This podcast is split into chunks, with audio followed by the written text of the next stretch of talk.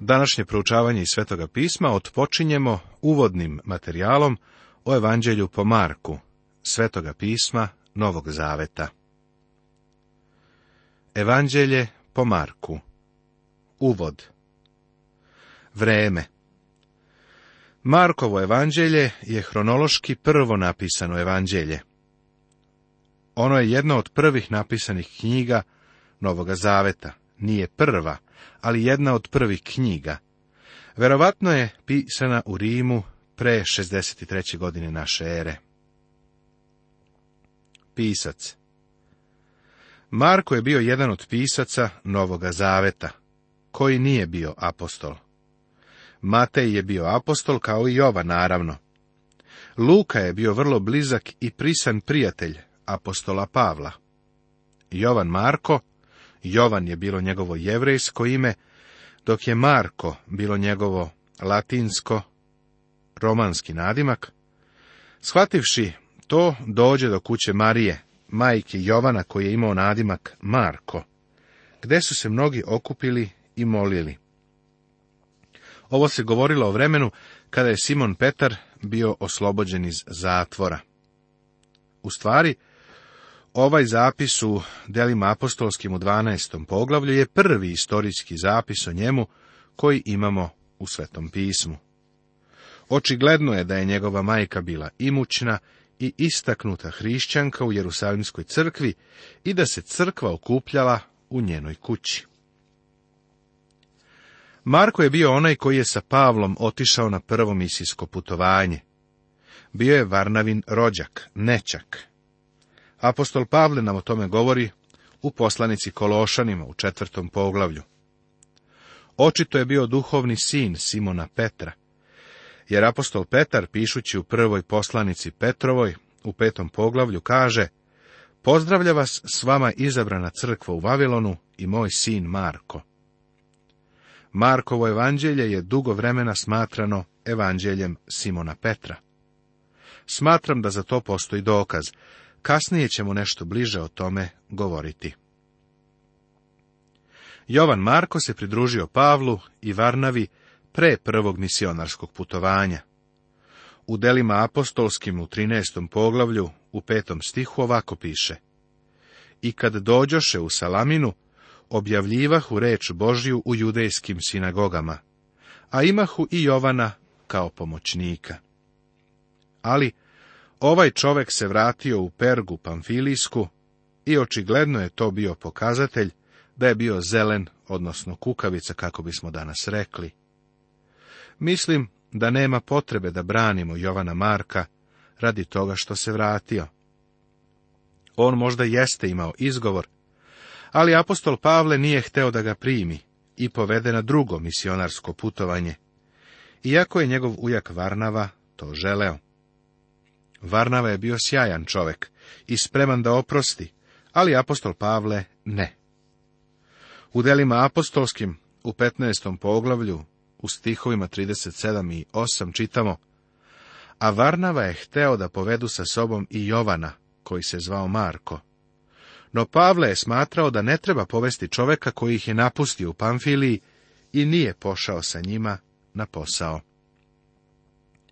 Deluje mi da je Pavle smatrao kao da ih je on izneverio.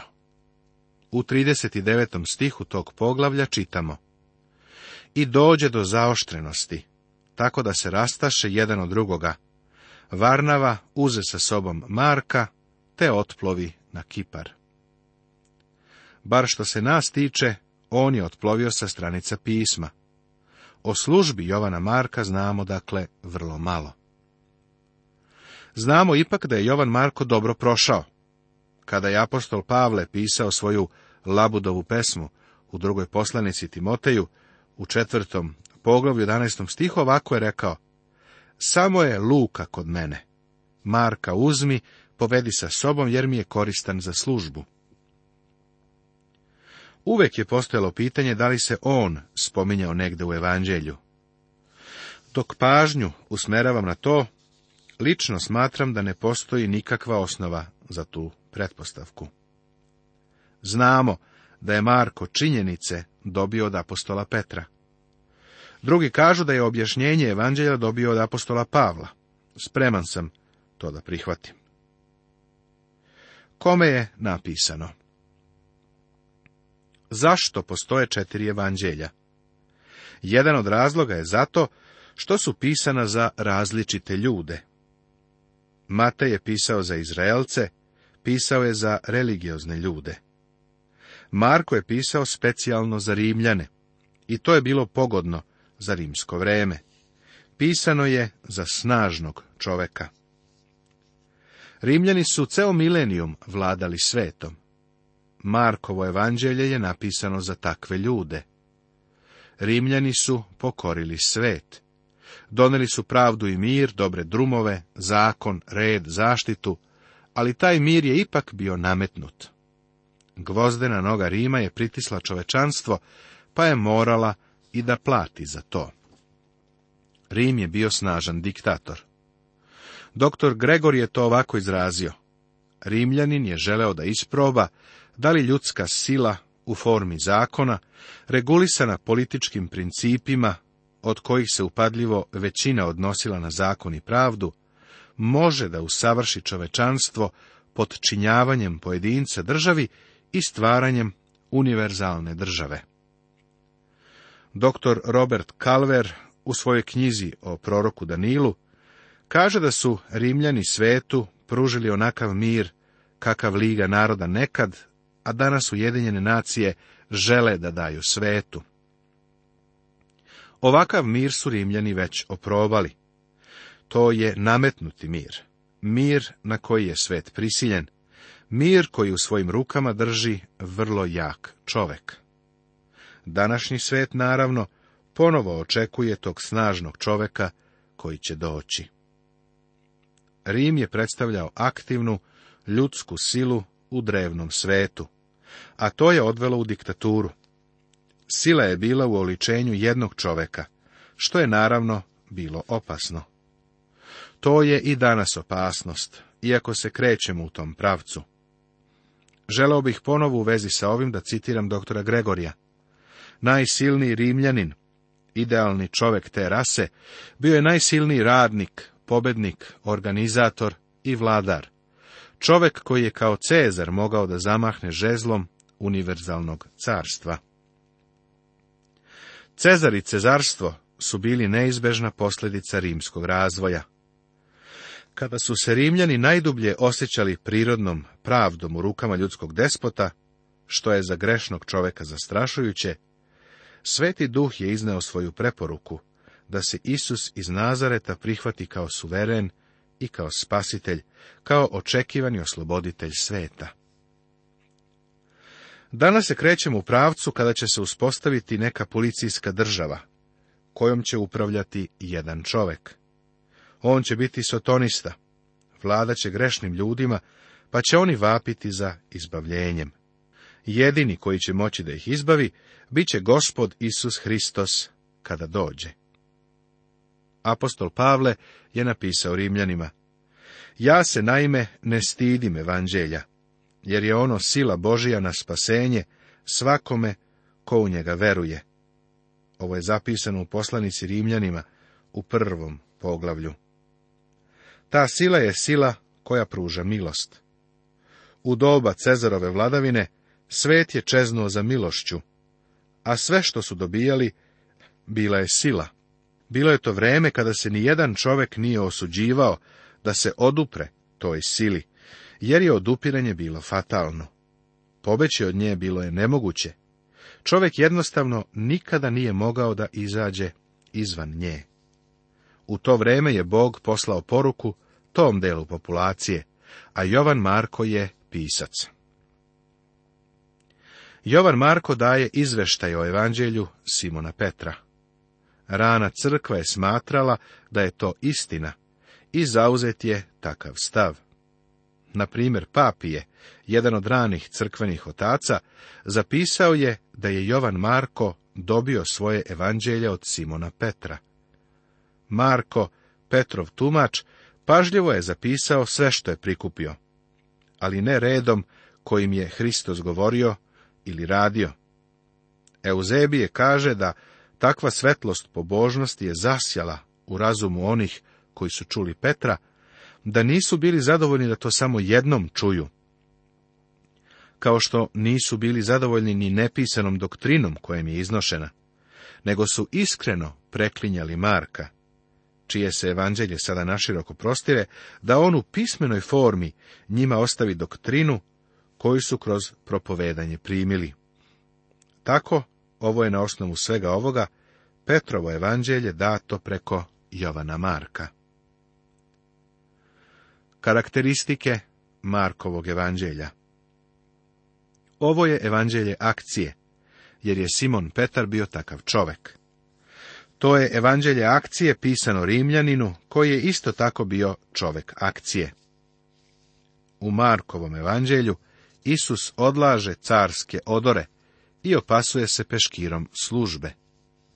U Matejevom evanđelju on je car, u Markovom evanđelju on je sluga ali nije on čovekov, nego Božji sluga. Marko to izražava prenoseći reči našega gospoda. Jer i sin čovečiji ne dođe da mu služe, nego da posluži i da dade svoj život kao otkup za mnoge. U Markovom evanđelju Isus je predstavljen kao Jahvin sluga. Ovim se ispunjava proroštvo proroka Isaije, 42. poglavlja. Evo sluge mojega kojega podupirem, i zabranika mojega koji je mio duši mojoj. Metnuću duh svoj na njega, sud narodima javljaće. Neće vikati, ni podizati, niti će se čuti glas njegov po ulicama. Bernard je još 1864. godine rekao sljedeće o evanđelju po Marku. Reč koje je sveti Petar uputio Korneliju bile su vrlo zapažene. Postale su kao moto ovoga evanđelja. Isuza iz Nazareta, Bog je pomazao duhom svetim i silom.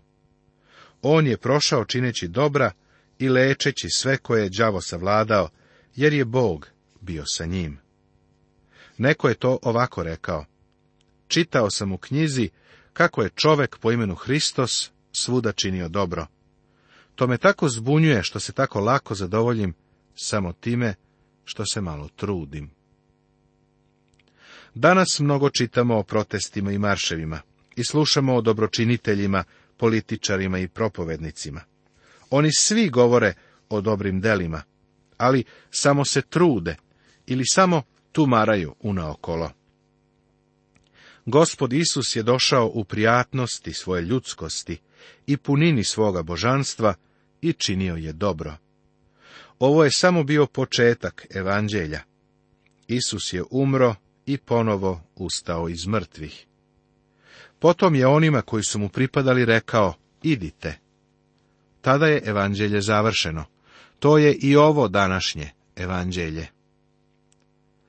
Markov stil je sažet i jednostavan, prikladan i je zgrovit, kratak i mio. Marko je oslobođen neumerenosti i suvišaka i udara pravo u suštinu. Ovo je evanđelje akcije i ostvarenja. Ovde Isus nije okićen rečima i iskazima, nego je raskomoćen i opasan za akciju. Marko je pisao jednostavnim stilom. Ovo evanđelje je namenjeno masama na ulici. Zanimljivo je zapaziti da se veznik i pojavljuje više nego i jedna druga reč u evanđelju. Kažu da je izbrojano da se javlja 1331 put. Prijatelji, ja to nisam računao, ali ako sumnjate ovu izjavu, sami prebrojite. Iskreno govoreći da sam na fakultetu predao svoj rad sa toliko veznika i ne bih položio ispit. Ipak, to je moćna reč kada se ispravno upotrebljava. To je reč akcije. Znači da nešto posle nje mora da usledi. Slušao sam mnogo govornika, naročito mladih propovednika. Kada se trude da kažu nešto, uvek upotrebe rečicu i. Tog momenta kada to kažu prijatelju, odmah potom imaju da kažu i nešto drugo. Ni jedna rečenica ne može da se završi veznikom i i uvek vodi dalje u akciju. Verujem da je Marko svoje evanđelje napisao u Rimu, očigledno za Rimljane, jer su oni bili užurbani, zauzeti ljudi i verovali su u silu i akciju. Želeli su odgovor na ovo pitanje. Da li je Isus sposoban da uradi posao? Evanđelje je dovoljno sažeto i kratko da i zaposlen čovek može da ga pročita. Citirano je nekoliko starozavetnih pisanja, a objašnjeni su jevrejski običaj, što daje dodatni dokaz da je evanđelje pisano za strance. Mataj nam daje rodoslov, jer car mora da ima rodoslov. Marko nam ga ne daje, jer slugi rodoslov nije potreban. Njemu je potrebna preporuka. Sluga mora da odradi posao. Ovo ćemo sve vidjeti u ovom evanđelju, jer je na taj način Isus i predstavljen. Pregled Hristova verodostojnost Prvo, Jovan predstavlja slugu. Jovanova smrt. Drugo, otac identifikuje slugu. Preobraženje. Treće, iskušenje inicira slugu. Četvrto, dela i reči ilustruju, odnosno osvetljavaju slugu. Prvo, čuda, isceljenja fizička, pod jedan Petrova tašta od groznice i drugi, pod dva guba, pod tri paralizovani čovek spušten kroz krov, pod četiri čovek sa suvom rukom, pod pet, mnogi isceljeni kod Galilejskog mora. Pod šest, žena sa problemom krvarenja. Pod sedam, bolesni u Nazaretu. Pod osam, učenici isceljuju. Pod devet, bolesni u Genisaretskoj zemlji. Pod deset, gluvi i nemi iz Dekapolisa, iz deset gradova. Pod jedanaest, slepi čovjek iz Vicaide. I pod dvanaest, slepi Vartimej. Pod dva priroda, prirodno. 1. Utišava buru. 2. Nahranjeno 5000 ljudi. 3. Hoda po moru. 4. Nahranjeno 4000 ljudi. I 5 smokvino drvo prokleto. Demoni, duhovno. Pod jedan, čovek u sinagogi. Pod dva, mnogi demoni u Kafarnaumu. Pod tri, demoni u Galileji. Pod četiri, nečisti duh kod Galilejskog mora. Pod pet, pismoznanci ga optužuju da demone izgoni pomoću Velzevula. Pod šest, opsednuti iz Gadare. Pod sedam, demonom opsednuta sirofeničankina kći. Pod osam, demonom opsednut dečak. I podignuti iz mrtvih, što je nadprirodno, jajrova kći. Isusove parabole i učenja Parabole 1. Post uz prisutnog mladoženju 2. Nova i stara odeća. 3. Novo vino i stari mehovi. 4. Sejač. 5. Svetiljka i posuda. 6. Seme koje raste. 7. Seme gorušice. 8. Čovek traži plod iz vinograda. 9. Drvo smokve. 10 čovek na putu. Raznovrsna učenja 1. Propovedanje evanđelja o carstvu 2. Propovedanje u Galileji 3. Subota 4. Novi odnos 5. Sinagoga u Nazaretu 6. Dvanaestorica poslata 7. Povratak dvanaestorice. 8. Fariseji optuženi. 9. Objašnjenje kvasca. 10. Hristova smrt. 11. Obeležje veličine. 12. Ukoravanje sektaštva. 13. Pakao. 14. Brak. 15. Bogataši 16. Molitva 17. Isusov autoritet 18. Porezi 19. Vaskrsenje 20. Velika zapovest 21. Mesija 22. Propoved na Maslinskoj gori Nastavit će se.